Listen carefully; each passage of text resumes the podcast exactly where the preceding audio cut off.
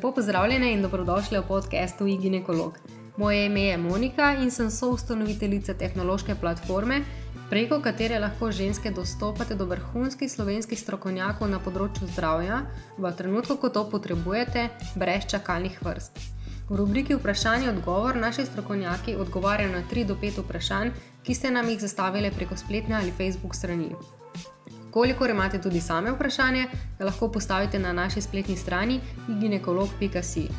Ta teden bomo odgovarjali na vprašanja o krvavitvah med nosečnostjo. Krvavitve v nosečnosti predstavljajo za marsikatero nosečo žensko velik stres. Vendar, na kljub dejstvu, da je vsaka krvavitev v nosečnosti nenormalna, so krvavitve, ki nastanejo pred 20. tednom nosečnosti, zelo pogoste, saj krvavi tudi do 40% nosečnic. V drugi polovici nosečnosti pa krvavi le še 2-5% nosečnic. Vsaj v polovici primerih se ne najde konkretnega razloga za krvavitev.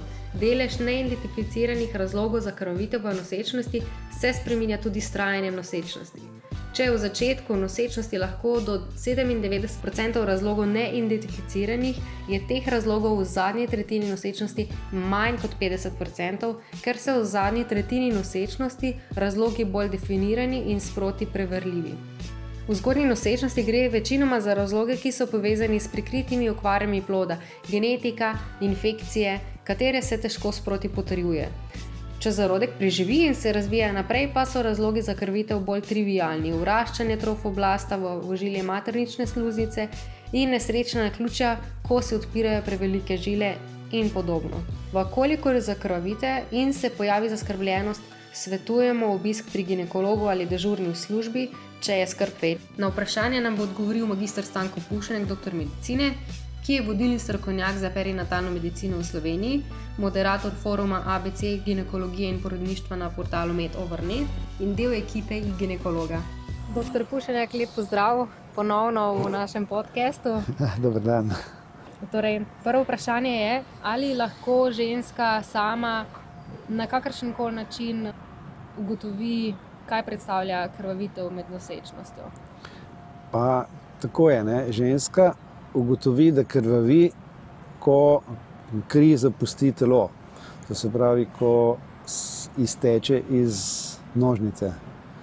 Nožnica je pa organ, ki sam lahko krvavi, na koncu nožnice je maternični vrat, ki lahko krvavi, in za materničnim vratom v nadaljevanju je maternica, njeno telo, ki tudi lahko krvavi. Torej, vsaka kri ki zapusti nožnico, je lahko najmanj iz treh virov. Poleg tega imamo ob vhodu nožnice še sečnico spredaj in pa danko zadaj. In iz vseh teh odprtin ženska lahko krvavi. In če se pojavi kri na perilu ali pa na vložku, je težko na prvi pogled sploh določiti, odkje je ta kri izšla. Torej, ženska eventualno lahko ugotovi, iz katere odprtine krvavi, ne more pa ugotoviti, zakaj krvavi in odkot točno. Seveda lahko logično razmišlja, če je noseča in če se pojavi krvavito iz nožnice, potem je logično, da gre verjetno za povezavo z nosečnostjo. Ampak to je to. Če krvavi iz sečnice, bolj spredaj, potem gre se za, za problem s sečili, uh -huh. če krvavi iz danke, bolj zadaj, gre za problem z prebavili. In uh, za vsakega od teh podsistemov organov postaje tudi poseben specialist. Ginekolog je sicer seznanjen z vsemi temi tremi sistemi, vendar se z vsemi sistemi ne ukvarja poglobljeno. Torej, ženska praviloma ob krvavitvi na perilu najprej pomisli na ginekologa. In uh, ginekolog, potem, če do njega ženska s krvavitvijo pride, mora potem razmišljati o tem, odkje in potem tudi kako. Če ugotovi, da gre za krvavito iz sečnice, preusmeri žensko k urologu ali pa k nefrologu, odvisno od drugih simptomov. Če izdanke, lahko tudi sam določene osnovne stvari ugotovi, če, če ne more, jo pošlje naprej k recimo internistu, gastroenterologu. Če pa krvito iz nožnice, pa sam naprej išče razlog. Se pa ta krvitev oziroma sama kri ne razlikuje običajno po barvi, po količini, da bi lahko recimo iz tega vidika. Torej, izcedki, ki vsebujejo sledi krvi, so lahko različne barve. Odvisno od količine krvi v tem izcedku in od starosti krvi, od kar je zapustila ožilje. Kri vedno pride iz ožilja. Ne, nikjer drugje nimamo krvi kot v ožilju in na nek način zapusti ožilje, potem je pa njena barva, ko, jo, ko, ko mi krvavito ugotovimo, odvisna od tega, najprej iz katerega dela ožilja izhaja. Naprimer, venska kri je temnejša, arterijska kri je svetla, ampak na srečo iz arterije redko kdaj krvavimo v teh, teh primerih. Bolj govorimo o tem, če je sveža kri, je pač bolj rdeča, če je pa stara, razgrajena ali pa dalj časa nekje stala, predno se je izločila iz telesa, je pa potem temnejša, bolj rjava ali pa celo črna. Ali izgled krvavitve, se pravi barva, količina, vedno kaže na to, kako resen je problem. Predvsem količina v časovni enoti, recimo hitrost krvavenja, in pa seveda tudi izgled. Kri ima poleg tega, da prenaša kisik in nekatere pline, še druge lastnosti. Ne? Kri predstavlja hkrati tudi snov, ki popravlja napake oziroma okvare žilja. Ne? Torej, kri se starjuje. Kri je v bistvu tkivo, to ni tekočina, to je tkivo, ki vsebuje različne celice in te celice imajo različne funkcije rdeče krvničke prenašajo kisik in uh, te pline, bele krvničke, ki jih je bistveno manj od rdečih, imajo imunsko vlogo, torej napadajo uh, in uh, uravnavajo naš imunski sistem. Mhm. Potem imamo pa še krvne ploščice, ki imajo poglavitno nalogo, da se lepijo na poškodbe in tvorijo neke vrste mrežo, ki potem deluje kot osnova za zamašek. Potem je pa še serum oziroma ostala tekočina, brezcelična, ki ima pa različne beljakovine, proteine, ki se v nekem zaporedju vežejo druga na drugo in ustvarjajo potem neke vrste vezivo, neko trdno snov kot lepilo in se stvori trd strdek. Ne? In uh, seveda, ko ženska krvavi, lahko nekaj časa krvavi tekočo kri, potem pa nenadoma začne izločati kose rečejo jetrca ali pa nekaj takega. Ne? To so strtki. In ko se pojavijo strtki, je pa že čas, da obiš zdravnika. Ja, je, da se izločajo strtki, mora biti krvavito vsaj 100 ml, recimo, da se tako velik strdek naredi, da ga ti dobiš v jameš v dlan, ali pa a, da je cel ložek poln teh, teh strtkov. In tako. Take krvavitve so izven nosečnosti redkejše, ampak so tudi možne v določenih obdobjih življenja. Recimo pri zelo mladih dekletih, ko začenjajo z ciklusom, se kaj takega lahko zgodi, ali pa pri potem ženskah proti koncu reproduktivne dobe to večkrat srečujemo. Vmes pa v nosečnosti, po porodu in tako naprej. Potem naslednje vprašanje je, torej, ali je res, da v sedem 90% ne najdemo vzroka za krvavitev v nosečnosti, ki je daljša od 24 tednov? Uh, ne, uh, to ne bo držalo. Uh, res, da se velik delež krvavitev pojavlja iz neznanih razlogov, ampak ne 97%. Mhm.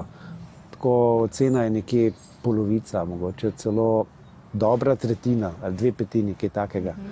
Uh, za večino krvavitev na nek način najdemo razlog v drugi polovici nosečnosti so to glavno ali začetek poroda ali prečasno luščenje pravilno ležeče posteljice, po strokovno rečemo abrupcija, ali pa je razlog za to nizek sedež posteljice, placenta previja v različnih oblikah, ali je res pokriva maternične uste, ali se ga sam dotika, ali je samo v njegovi bližini, kajti v drugi polovici, zlasti v tretji tretjini nosečnosti, se maternica začne preoblikovati mhm. In se spodnji del maternice preoblikuje v nek tak raztezen segment, ki se razteguje, mhm. medtem ko se zgornji del maternice pa začne krčiti.